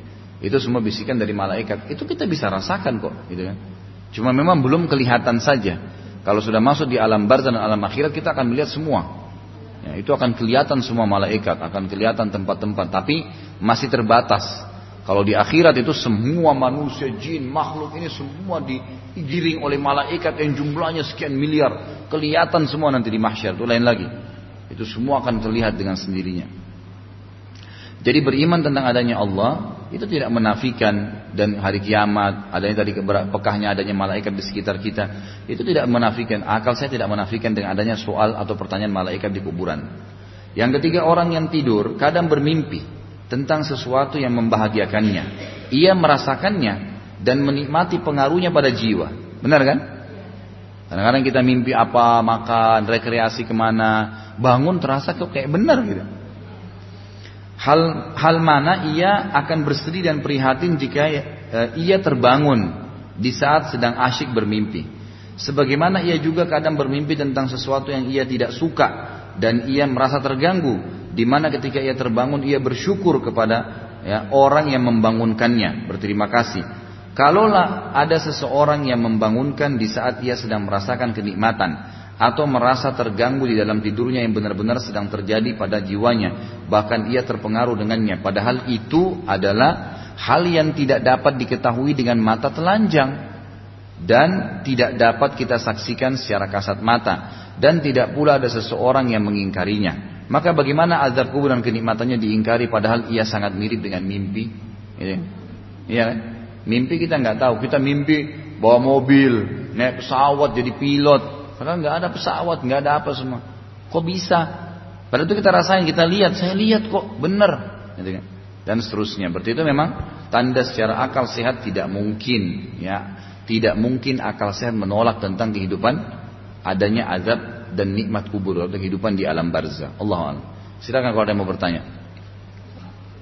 Kalau ada ada beberapa uh, ayat-ayat Al-Quran, tapi saya sekarang tidak terlintas di ayat berapa ya, yang menceritakan nanti, tapi bukan di kuburan, di akhirat nanti. Pada saat mereka dibangkitkan, gitu kan? Karena mereka dibangkitkan, uh, kata Allah swt. "Mam ba'athana mim marqadina hada." Siapa yang membangunkan kami dari tempat tidur kami ini? Maksudnya di di kuburan itu ya. Jadi pada saat dibangkitkan, mereka itu seperti orang yang bangun kemudian lihat sesuatu, kelihatan. Jadi tiba-tiba kita di mahsyar itu kan nanti dibangkitkan itu di mahsyar ya. Mahsyar ini kata para ulama adalah sebuah eh, apa namanya tanah yang putih bersih luas sekali, gitu kan. Semua manusia dan jin tertampung di situ. Jadi besar sekali. Nggak ada lagi apa-apa, nggak ada gunung, nggak ada laut, nggak ada semua tanah lapang. Lalu Allah swt datang untuk menghakimi hamba-hambanya di alam barzah itu, gitu kan? Nah, akan dibangkitkan. Nah, pada saat dibangkitkan itu kita tiba-tiba hadir di sebuah pengadilan besar. Melihat malaikat-malaikat, melihat manusia semua dibangkitkan mengikuti nabi-nabinya, gitu kan? Dan pada saat itu orang sudah tahu semuanya bahwa saya ini inilah kebenaran. Sadar pada saat itu. Hmm. Ada lagi? Jasad kita kenapa? Ya pelihara itu maksudnya dirawat, dirawat. Ya, saya lupa, tapi tadi ayat itu wala tuhliku amfusakum. Jangan kalian binasakan diri kalian. Jadi sini jangan kalian rusak jasad kalian. Semua. Apa saja. Enggak kalau rokok itu lebih masuk ke masalah pengharaman khamr. Sebagian ulama juga mengambil ayat itu. Apa saja yang dikonsumsi oleh seseorang. Kan gini, sifat ilah Tuhan itu ada lima. Sifat dasarnya Tuhan kan? Yang pertama menciptakan. Sudah pernah kalau kita sebutin ini menciptakan. Ini ini ini masalahnya pada saat ditulis tidak dimasukin dalam hati. Jadi akhirnya diulangin lagi. Enggak maksudnya harus dalam, dalam hati. Jadi oh iya lupa kalau sudah pernah tulis gitu jadi sifat ilahiyah itu ada lima sifat Tuhan itu harus lima ada mutlak pada Tuhan yang pertama menciptakan Kayak manusia diciptakan, alam semesta diciptakan, diadakan ya. Kemudian yang kedua difungsikan, memfungsikan ciptaannya, digerakkan, gitu kan? Jadi kalau manusia nggak di, nggak difungsikan maka akan seperti patung, seperti tembok. Kemudian yang ketiga, ya, itu disiapin kebutuhan dan asopannya. Seperti hidung diciptakan kan butuh oksigen. Oksigen diciptakan sama Allah. Mata kan butuh cahaya. Makanya kalau gelap kita nggak bisa ngeliat kan, maka cahaya masuk ke dalam mata dipantulin lagi. Telinga menyerap suara, maka suara itu juga asopan, gitu kan? Apa saja lah, gitu kan? Semua itu Allah SWT Jadi menyiapkan asopannya. Yang keempat ini yang saksi bahasan kita mengawasi, mengontrol. Jadi Allah juga mengawasi dan mengontrol. Jadi ini makanan boleh, ini makanan tidak boleh ya. Halal haram. Itu Allah mengawasi kita. Seperti kasus Bapak Ibu kalau lagi demam, meriang, itu ketakutan kena air dingin, gitu kan? Itu kan sensor, itu pengawasan dari Allah. Artinya kalau kena nanti berbahaya. Allah kasih kan, hujan keras, gelap, kita merasa khawatir, itu pengawasan dari Allah SWT tidak boleh ke situ, gitu kan? Itu pengawasan. Jadi Allah SWT itu selain menyiapkan asupannya mengawasi. Pengawasannya ini adalah Allah SWT berikan masing-masing. Kita kalau cium bau busuk, tiba-tiba apa yang kita lakukan? Spontan, bau busuk ya, ditutup hidung misalnya. Pengawasan itu. Sebenarnya spontanitas ya. Atau kita beralih ke sebuah tempat yang tidak tercium bau itu. Kan gitu. Ada binatang lagi ngamuk di sana. Kita tiba-tiba mencari jalan lain supaya tidak kena. Itu kan pengawasan. Apa yang inisiatif muncul untuk melakukan itu dari mana? Allah SWT yang ciptakan bersamaan dengan sebagaimana visi kita ada. Ini sekaligus membantah orang yang menolak adanya Allah SWT pencipta ya. Karena kita ini ada tidak mungkin tanpa pencipta. Kemudian difungsikan kita bisa bergerak segala, ya kemudian disiapin asopan-asopan kita ini semua ada di sekitar kita. Kemudian Allah swt awasi, nah diawasi mana makanan boleh, mana tidak boleh. Ada halal haram, ada juga sensor-sensor dalam tubuh kita. Pada saat mau buang air besar kita tahu, oh ini mau buang air besar butuh kamar mandi, ke kamar mandi. Bayangkan kalau kita tidak punya rasa, bisa buang air di pinggir jalan, gitu kan. Dan juga kita kalau sudah selesai punya rasa, oh ya sudah selesai nih, gitu kan. Kalau enggak kita akan berjam-jam di kamar mandi. Allah SWT berikan makan, ada rasa. Oh ya, lapar nih, makan. Begitu sudah kenyang, walaupun enak depan kita, kita sudah nggak bisa makan. Itu namanya pengawasan dari Allah. Secara otomatis, sistematis gitu ya. Harus kita ikutin, tidak bisa enggak. Yang terakhir memusnahkan. Allah SWT mematikan. Jadi semua ini akan mati dengan sendirinya. Inilah hak ilahiyah. Di... Memusnahkan, jadi mematikan. Tidak ada yang bisa mematikan kecuali Allah SWT. Jadi biar juga kita bawa pisau besar, menusuk perut seseorang. Kalau belum Allah mau dia mati, tidak mati. Ada orang lagi jalan ditabrak lalat mati. Memang sudah Allah mau dia mati pada saat itu. Itu kan. Ya. Ada lagi? Jadi kembali kepada kalimat tadi, merusak itu. Kalau sampai dia merusak jasadnya, mengubah yang sebenarnya, beda merapikannya. Ada orang jerawat diangkat, lain. Giginya nggak rapi dirapiin, nggak masalah itu. Nggak masalah. Boleh saja. Kemudian rambutnya bermasalah, dan itu. Kemudian dipakein obat atau dipotong kalau laki-laki mungkin ada yang gundul, mungkin kena banyak ketombean itu semua hal tidak ada masalah.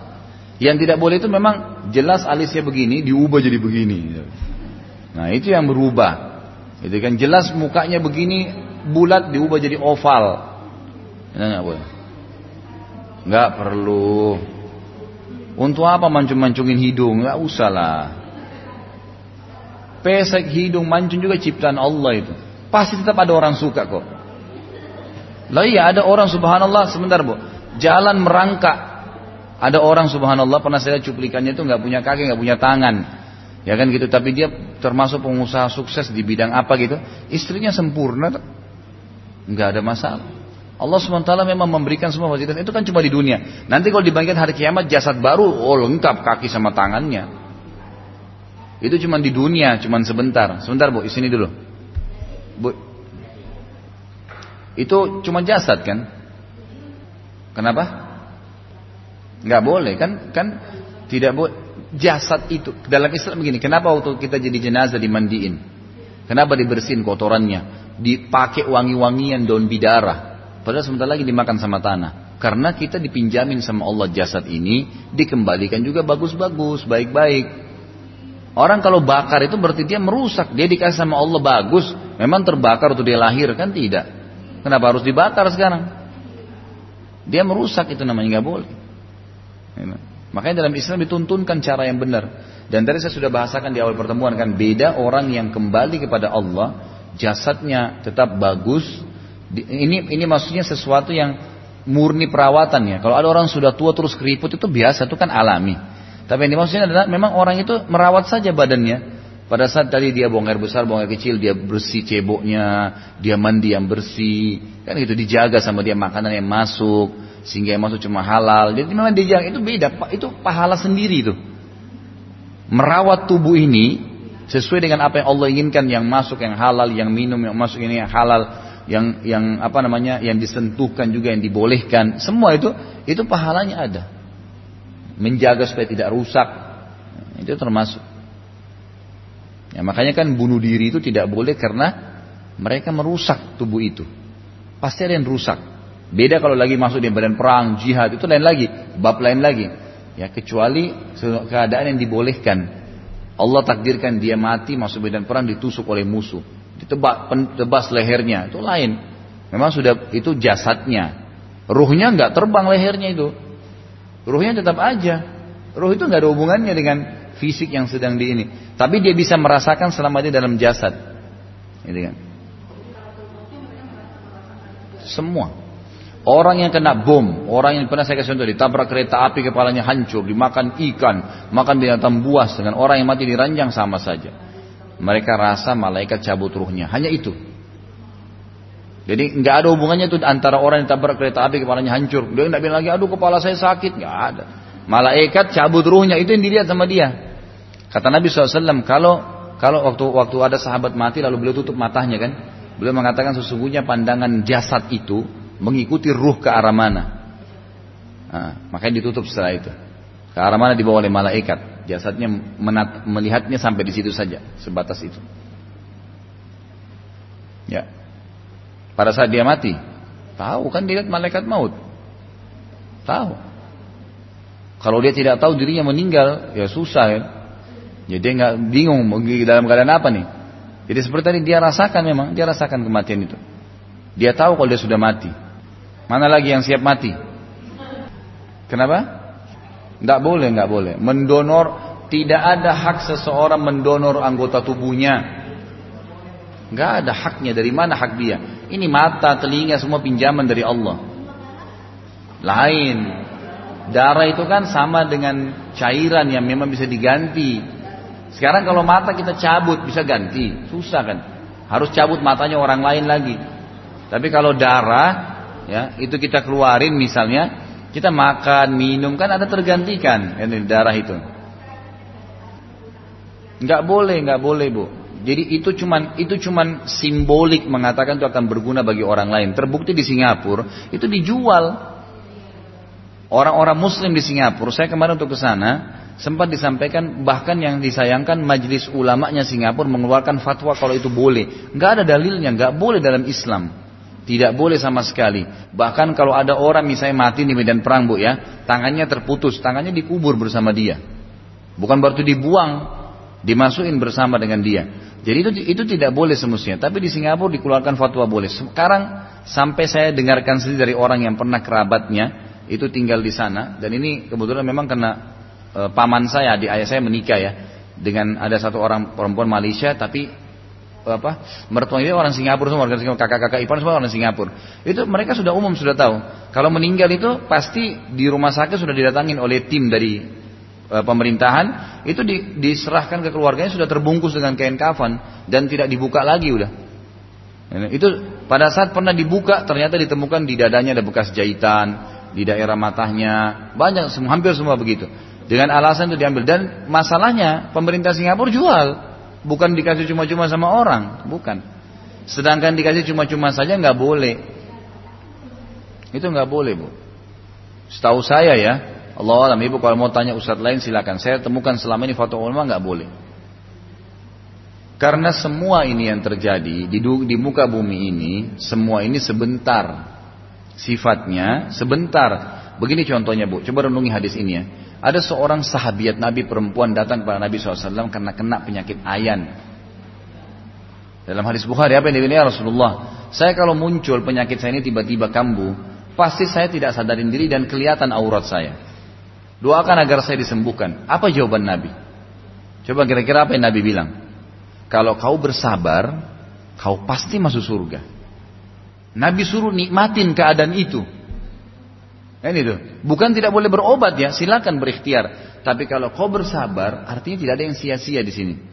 Kalau disabarin pun, maka kau akan masuk surga. Tapi kalau kau mau, boleh saya doakan, tapi tidak ada jaminan surga. Karena ini ada jaminan surga bagi cobaan yang memang orang sabarin. Ibu kalau kena cobaan nih, ibu nggak ngeluh diam, nggak mau sampaikan sama orang diam sampai mati, jaminan surga itu. Tapi kalau dia berobat silakan, dia berikhtiar boleh, tapi jaminan surganya sudah hilang. Karena konsekuensi dapat surga di sini langsung itu dengan adanya cobaan yang tetap ada pada dia kan. Kalau kau bersabar, kau pasti masuk surga. Kata Nabi SAW. Tapi kalau kau minta saya doain, saya doain sembuh. Cuma tidak ada jaminan surga. Kata perempuan itu, ya Rasulullah, saya mau surga. Tapi doain saya supaya kalau kambuh penyakit ini, kan gitu, saya tidak kelihatan aurat saya. Nabi SAW doakan untuk itu.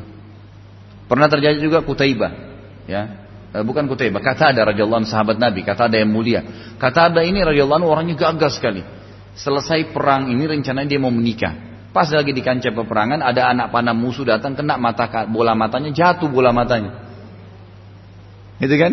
Langsung sahabat bilang, sini saya potong aja, kami potong aja. Sudah nggak bisa, nggak bisa berperang lagi karena tergantung-gantung. Kata sahabat kita potong aja. Dia bilang tunggu dulu, bawa saya ke Rasulullah. Bawa ke depan Nabi SAW, Nabi lihat Nabi senyum. Orang matanya mau keluar, Nabi masih senyum, gitu kan? Kata Nabi SAW, ada apa kata ada? Dia bilang ya Rasulullah, ya saya mata saya seperti ini. Kata Nabi SAW, kalau kau mau bersabar tanpa mata, pasti masuk surga. Jamin. Orang lahir buta atau tiba-tiba buta, orang tiba-tiba pincang, diamputasi, potong kakinya. Apalah masalah-masalah yang dihadapin? Ya, penyakitnya berat, dia sabarin, gitu kan? Dia terima itu sudahlah, tidak apa-apa saya jalanin. Sambil ikhtiar tentunya, karena obat ini kan fungsinya bukan menghilangkan penyakit. Saya yakin teman-teman dokter tahu itu. Obat nggak ada yang menghilangkan penyakit membantu untuk menyembuhkan mungkin gitu kan mengurangi gejalanya iya gitu kan tapi kalau hilangkan surat penyakit itu tidak ada sebenarnya baik kalau kau bersabar tanpa mata kau masuk surga tapi kalau kau mau saya doain bisa sembuh nih mata kamu kata Nabi SAW tapi nggak ada jaminan surga kata ada diam sebentar lalu berpikir lalu dia bilang ya Rasulullah doain saya supaya saya masuk surga ya. tapi saya juga mau disembuhin dua-duanya Lalu Nabi SAW tersenyum lalu memasukkan mata kata ada ke dalam mata bola matanya ke dalam tempat tempat kelopaknya lagi kemudian melepaskan tangan beliau setelah beliau lalu matanya kembali seperti sempurna. Tapi kita ambil pelajaran di sini. Jadi apa pun yang menimpa seseorang, berapa lama sih dia akan hidup? 10 tahun, 15 tahun. Ibu-ibu dan bapak sekalian sini umurnya berapa? Anggap kalau kita umur 50 tahun, 60 tahun. Ingat 50 tahun ke belakang deh. Seperti 50 tahunkah kalimat tahun yang kita bayangkan lama? Seperti baru kemarin. Seperti baru kemarin. Kita ketemu dengan teman SD langsung nostalgia. Oh dulu ya kamu ingat kita di sini dulu. Seperti baru kemarin terjadi, gitu kan? Padahal ini sudah pada keriput semua, gitu kan? Nah itu seperti itu kehidupan. Jadi kadang-kadang ada orang tahun itu terpengaruh dengan istilah tahun dianggap 12 bulan lama. Padahal sebenarnya itu waktu sebentar. Orang yang biasa ngontrak tahu tuh. Ya, tiba lagi bayaran kontrakan saya. Padahal baru sta, baru perasaan baru bayar kemarin gitu. Tapi sudah setahun. Nah, karena dia terpengaruh dengan tahun itu kesannya lama. Hidup di dunia 70 tahun, oh masih lama. Mana bisa lama sebentar tuh. Gitu kan cuma sebentar. Jadi jangan sampai kata-kata tahun dianggap lama ya, itu sebentar, lewat, berlalu. Kita kita tidak bisa meremnya. Pasti terus jalan, berputar, bergulir. Nggak ada, nggak ada dalilnya. Apakah orang kalau mau meninggal tahu kalau dia mau meninggal? Itu tidak ada. Itu setahu saya tidak ada sama sekali dalil. Hah? Gak ada, gak ada. Gak ada. Itu tidak ada dalil satu pun yang menjelaskan masalah itu. Bahkan yang ada dalam hadis Bukhari, pada saat Nabi Muhammad SAW mau meninggal, beliau cuma merasa sakit kepala. Pas pulang dari Baki, menziarahi kuburan para sahabat, pulang ke rumah, lalu Aisyah berkata, Ya Rasulullah, kepala saya sakit. Kata Nabi SAW, wahai Aisyah, saya lebih sakit kepala saya. Ya, kata Nabi SAW memberikan isyarat kalau beliau akan meninggal, wahai Aisyah, tidak usah khawatir. Kalau kau mati lebih dulu daripada saya, saya akan memandikan dan mengkafanimu. Jadi artinya sebuah kemuliaan Nabi yang akan urus, saya akan urus kamu. Gitu kan? Lalu kata Nabi SAW, dan kalau saya meninggal duluan, kamu yang boleh memandikan dan mengkafani saya. Gitu kan? Tapi Nabi tidak tahu. Nabi nggak jelas waktu itu. Terus pada saat itu setelah itu Nabi SAW pingsan. Lalu bangun. Setelah pingsan nih, orang semua khawatir. Habis itu Nabi SAW bangun. Lalu beliau menyingkap ya penutup antara rumahnya dengan masjid. Abu Bakar jadi jadi imam, beliau keluar sholat. Orang semua sahabat senang nih. Waktu lagi sholat Abu Bakar sampai mau mundur Nabi SAW berikan isyarat supaya tetap aja di situ, gitu kan? Orang semua pikir oh Nabi SAW sudah sehat kembali, alhamdulillah. Berapa saat kemudian orang sahabat sudah pada bubar semua termasuk Abu Bakar sudah pergi kebunnya, Nabi meninggal. Dan pada saat beliau balik ke kamarnya Aisyah mengatakan wahai Aisyah datangkanlah seember air. Beliau ambil air tersebut lalu mengusap wajah beliau sambil berkata sesungguhnya menghadapi kematian itu ada sakarat, ada sesuatu yang mengkhawatirkan gitu loh. Sakarat itu kan mengkhawatirkan atau kadang-kadang bisa diarti juga menyakitkan gitu kan. Tapi lebih dekat mengkhawatirkan, membuat orang khawatir nih apa ini? Ada apa nih nggak tahu. Gitu kan? Lalu Nabi SAW pada saat itu sempat sandar di pundak Aisyah anha. Beliau tidak tahu apa-apa, gitu kan? Lalu lewatlah adiknya si Aisyah, ya, itu yang bernama Abdurrahman. Lewat Abdurrahman lagi pakai siwak. Lalu Nabi SAW melihat siwak itu. Kata Aisyah ya Rasulullah, apakah anda mau pakai siwak itu? Nabi SAW memberikan isyarat iya. Maka dikasihlah, diambil, dipotong bekasnya Abdurrahman lalu dikasih ke Nabi SAW. Tapi masih keras. Aisyah mengatakan Rasulullah maukah saya lunakkan kata Nabi SAW. Ya, diberikan isyarat iya. Lalu Aisyah pun memberikan dan lunak dan Nabi SAW memakainya. Gak lama kemudian setelah pakai siwak Nabi SAW mengucapkan kalimat kata Aisyah ini akhir. Beliau mengatakan balir rafiqul a'la. Tapi saya ingin tempat yang tinggi di surga. Dua kali beliau ucapkan lalu beliau meninggal. Sallallahu Alaihi Wasallam meninggal. Ya. Beliau tidak sampaikan sebentar lagi saya meninggal, sebentar lagi saya begini itu, nggak ada, nggak ada dalilnya masalah itu. Karena orang kalau tahu berasa nih dua hari lagi saya mau meninggal, kan bisa sempat dia taubat. Atau mungkin orang bilang tidak apa-apa deh, saya berdosa sehari penuh, besok saya tobat sehari penuh.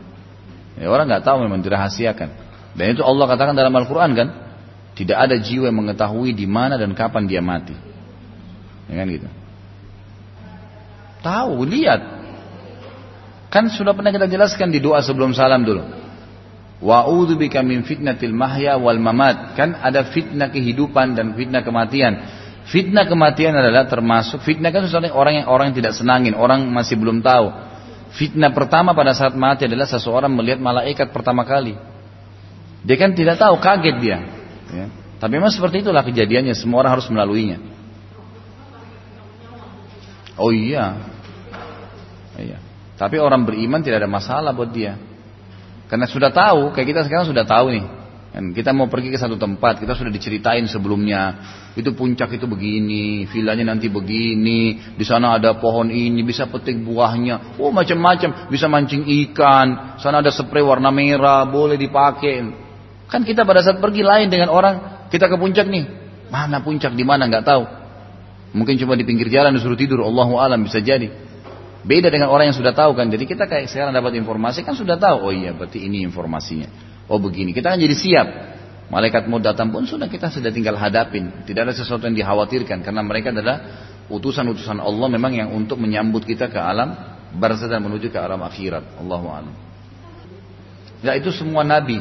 Jadi nabi-nabi itu beda. Kata Nabi SAW tidak ada seorang nabi pun kecuali ditawarkan pada saat akan dicabut ruhnya. Setiap nabi Nabi punya hak itu, setiap nabi saja ya.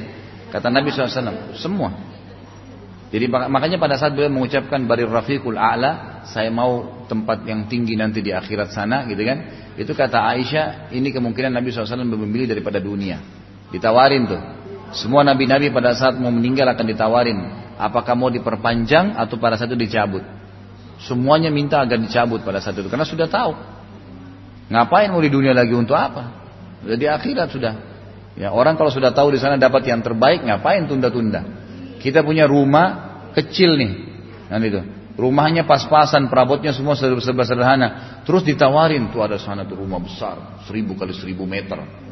Semua ada mobil Mercy di depannya, ada tamannya, ada kolam renangnya, semua ada lengkap. Masa orang masih mau tinggal di sini? Pasti udah oh langsung ke sana lebih enak. Kalau perlu semua di sini perabot lama kasih orang saja. Itulah dunia dan akhirat. Bedanya begitu perumpamaan. Hmm, jadi kecil. Makanya tidak ada orang. Kata Nabi SAW tidak ada seorang pun yang meninggal berharap kembali dunia. Tidak ada lagi. Karena pada saat itu mereka sudah tahu nilainya dunia. Oh ternyata cuma begini. Nanti kita kalau ketemu di surga Bapak Ibu sekalian itu ada sebuah riwayat menjelaskan. Nanti kalau ahli surga bertemu di surga, gitu kan? Maka mereka saling cerita. Ingat tak dulu kita begini? Bukan mustahil maka ibu-ibu bilang dulu ingat tak kita di rumahnya ibu Imas dulu taklim. Itu bukan mustahil memang saling menceritakan. Lalu mereka menceritakan kisah hidup mereka di dunia dalam satu hari. Semua satu paket tuh. Dari baru lahir sampai mati. Selesai itulah dunia. Satu ceritain, dulu saya begini, dulu saya begini, semua diceritakan sama dia.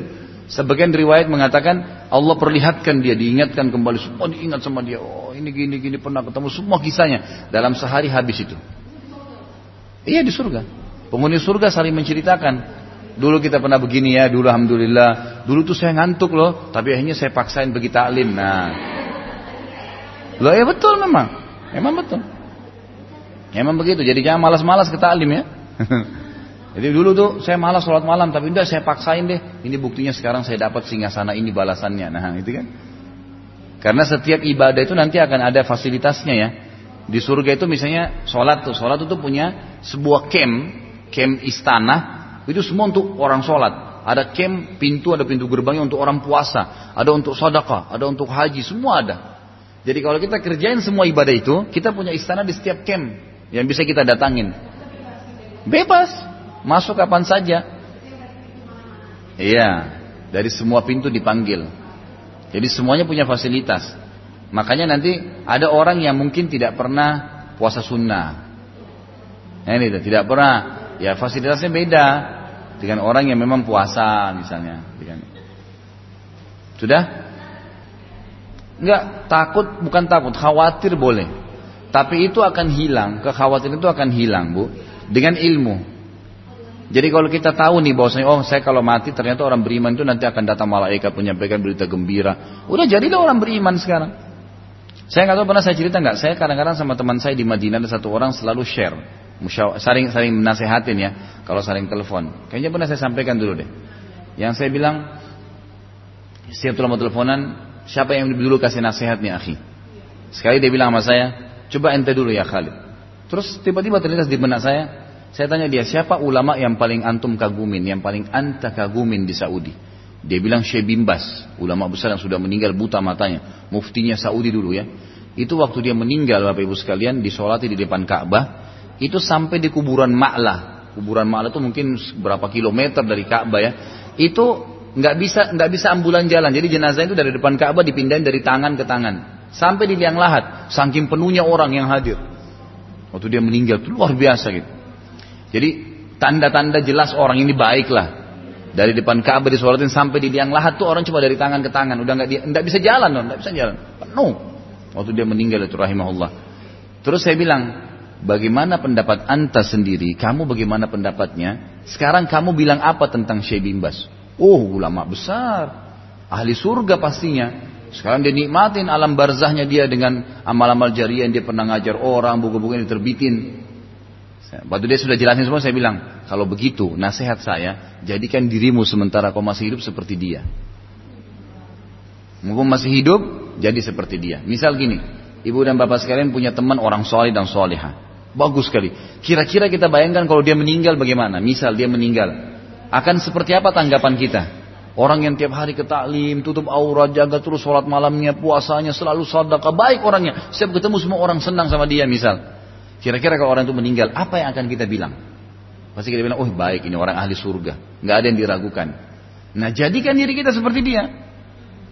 Karena kalau kita balik misalnya, siapa kira-kira ada orang yang paling kita tidak senangin? Ahli maksiat, suka buat macam-macam, pungbung, apa keonaran lah, ganggu orang lah, ambil haknya orang.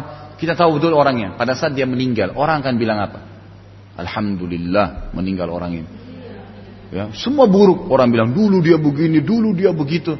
Nah jangan jadi seperti orang itu. Jadi orang yang kalau dia meninggal diceritain kebaikan, itu baru baik tuh. Nah itu nanti akan memotivasi kita untuk selalu menjadi orang yang baik. Sebab ini cuma sebentar Bapak Ibu sekalian. Betul-betul kita nanti pada saat datang malaikat maut itu seperti sekejap. Datang cabut, habis. Oh habis semua. Bajunya, tasnya yang bermerek, mobilnya semua ditinggal. Nggak ada dibawa ke liang lahat. Dimandiin, kita pagi malam nih, pagi meninggal. Udah anggap hari itu sudah malam pertama di kuburan. Udah nggak ada lagi ceritanya kembali di situ. Kita sudah tidak mau lagi di dunia. Nanti kalau orang meninggal tuh dia lihat semua, oh ternyata ini nih ranjang yang selama ini saya banggakan di rumah ini sudah jadi kecil semua. Udah nggak ada apa-apanya. Dia malah bangga, pada saat itu dia bangga dengan sujudnya sekali sunnah. Dia bangga dengan pernah sedekah seribu rupiah. Nah ini nih ternyata nih. Kenapa saya nggak lakukan selama hidup saya ya? Nah itu. Jadi jangan tunggu masa itu datang baru kita nyesel. Sekarang kesempatan. Nah, itu pada saat saya sampaikan itu sampai teman saya terharu tuh dan alhamdulillah jadi saling memotivasi lah ya. Tapi itu perlu kita saling mengingati dan punya teman-teman orang yang soleh dan soleh itu perlu. Ya, karena pasti ada pengaruh bisa saya sebuah hadis disampaikan sama dia sebuah kisah bisa mengubah hidup kita menjadi baik seperti dia sampai kita meninggal. Atau sebaliknya kalau kita berteman dengan orang fasik, orang buruk tiap malam bermuka pelanggaran-pelanggaran syar'i, lalu kita tenang satu cerita diceritakan sama dia masalah perzinahan, masalah kebohongan misalnya, kemudian apalah bar rekreasi ke negara kafir kan merasakan apa kenikmatan tertentu lah, pernah mungkin berzina diam-diam suaminya nggak tahu atau istrinya nggak tahu atau apalah, gitu kan? Lalu kita terpengaruh, oh iya ya nggak apa-apa, dia nggak ketahuan, kan gitu misal. Nah, ini kita ubah, hidup kita jadi buruk, mungkin lebih buruk daripada sampai kita meninggal. Jangan, waktu berlalu. Dan setiap detik kita, setiap hari Bapak Ibu sekalian buku lembaran amal ada. Setiap hari. Kemarin sudah sholat tahajud, itu kemarin sudah dicatat. Hari ini, besok, lusa, sampai kita meninggal. Rugi dong. Masa kita selalu membangga dengan rapot yang kelas 1 sampai kelas 6 SD? Sekarang kita sudah kuliah. Yang kita butuhin sekarang nilai yang sekarang mana?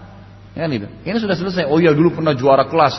Saya ibu-ibu ini dulu satu, satu sekolah semua SD. Oh sudah ketahuan nih ibu ini dulu juara satu, ini juara dua. Sudah tahu.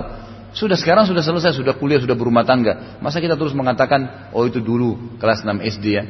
Pasti kan ada, oh SMP, ada SMA. Yang terakhir biasanya prestasinya itu. Oh anaknya ini berhasil hafal Quran. Oh dia ini suaminya baik. Oh ini istrinya begini. Ya ini yang malah yang jadi jadi berita yang sedang apa yang sedang baik gitu kan, yang sedang panas. Ini yang sudah berlalu. Jadi yang buku amal itu semua sudah berlalu. Kata Nabi SAW jangan kalian mengucapkan mengatakan dulu saya pernah sholat malam itu dulu udah dicatat gak usah khawatir dulu tuh saya masih gadis uh suka sekali bantu orang miskin sekarang itu dulu ada ada catatannya tanggal berapa jam berapa di mana berapa kadarnya ada dicatat semua Iya. Kata Nabi SAW, kalau di tangan seseorang di antara kalian ada biji, jelas dia tahu eh, biji dia mau tanamkan dan dia tahu besok kiamat tetap dia tancapin. Artinya kejar pahala itu sampai detik terakhir. Sampai detik terakhir, usahakan detik terakhir. Gitu kan? Seperti itu. Boleh. Terakhir ya. Enggak itu itu saya sudah paham. Itu dia masalah menyesali. Dia menyesali kenapa? Kan itu sebelumnya ada ayatnya. Hai orang beriman, ya janganlah sampai ah, anak-anak kamu melalaikan kamu dari zikirullah. Karena sampai melakukan itu dia akan menjadi termasuk orang-orang yang rugi. Dan infakkanlah. Iya kan? Uh -uh. Apa yang Allah Sebelum datang seorang dia mati. Baru dia mengatakan coba saya dulu infakkan. Karena nanti kalau kita pas meninggal nih menghadapi sakaratul maut, ibu punya rekening satu miliar. Mau diapain kira-kira satu miliar itu? Pada saat itu ibu menyesal. Kenapa saya biarin tuh ya? Coba saya bangunin masjid satu miliar tuh. Nah sekarang saya panen pahalanya. Jadi ya seperti itu dia nyesal pada saat mati. Kenapa nggak diamalin? Kenapa nggak diinfakkan? Orang, siapa saja, siapa saja yang sempat terlewatkan amal saleh yang dia lakukan. Kalau orang kafir dari imannya, mungkin orang-orang yang beriman dari infaknya, dari sholat tepat waktunya, gitu kan? Apalah kesempatan puluh amal soleh yang disia-siain sama dia? Iya, iya. Itu akan di. Tapi itu itu ayat tadi lebih fokus kepada orang-orang yang memang dasarnya tidak sempat. Memang dia tidak ada amal soleh yang dilakukan sama dia. Sibuk deposit terus uangnya. Nggak ada sama sekali diinfakkan. Kalaupun infak buka dompet seribu tua. Nggak pernah dikeluarin yang besar-besar. Tarik dari deposito 10 juta sekalian kasih orang miskin. Kasih modal biar dia lepas dari kemiskinannya. Nah itu amal jariah. Gitu kan, seperti itu. Kalau benar dari Allah, kalau ada salah dari saya mohon dimaafkan. Subhanakallahumma bihamdika asyhadu an la ilaha illa anta Wassalamualaikum warahmatullahi wabarakatuh.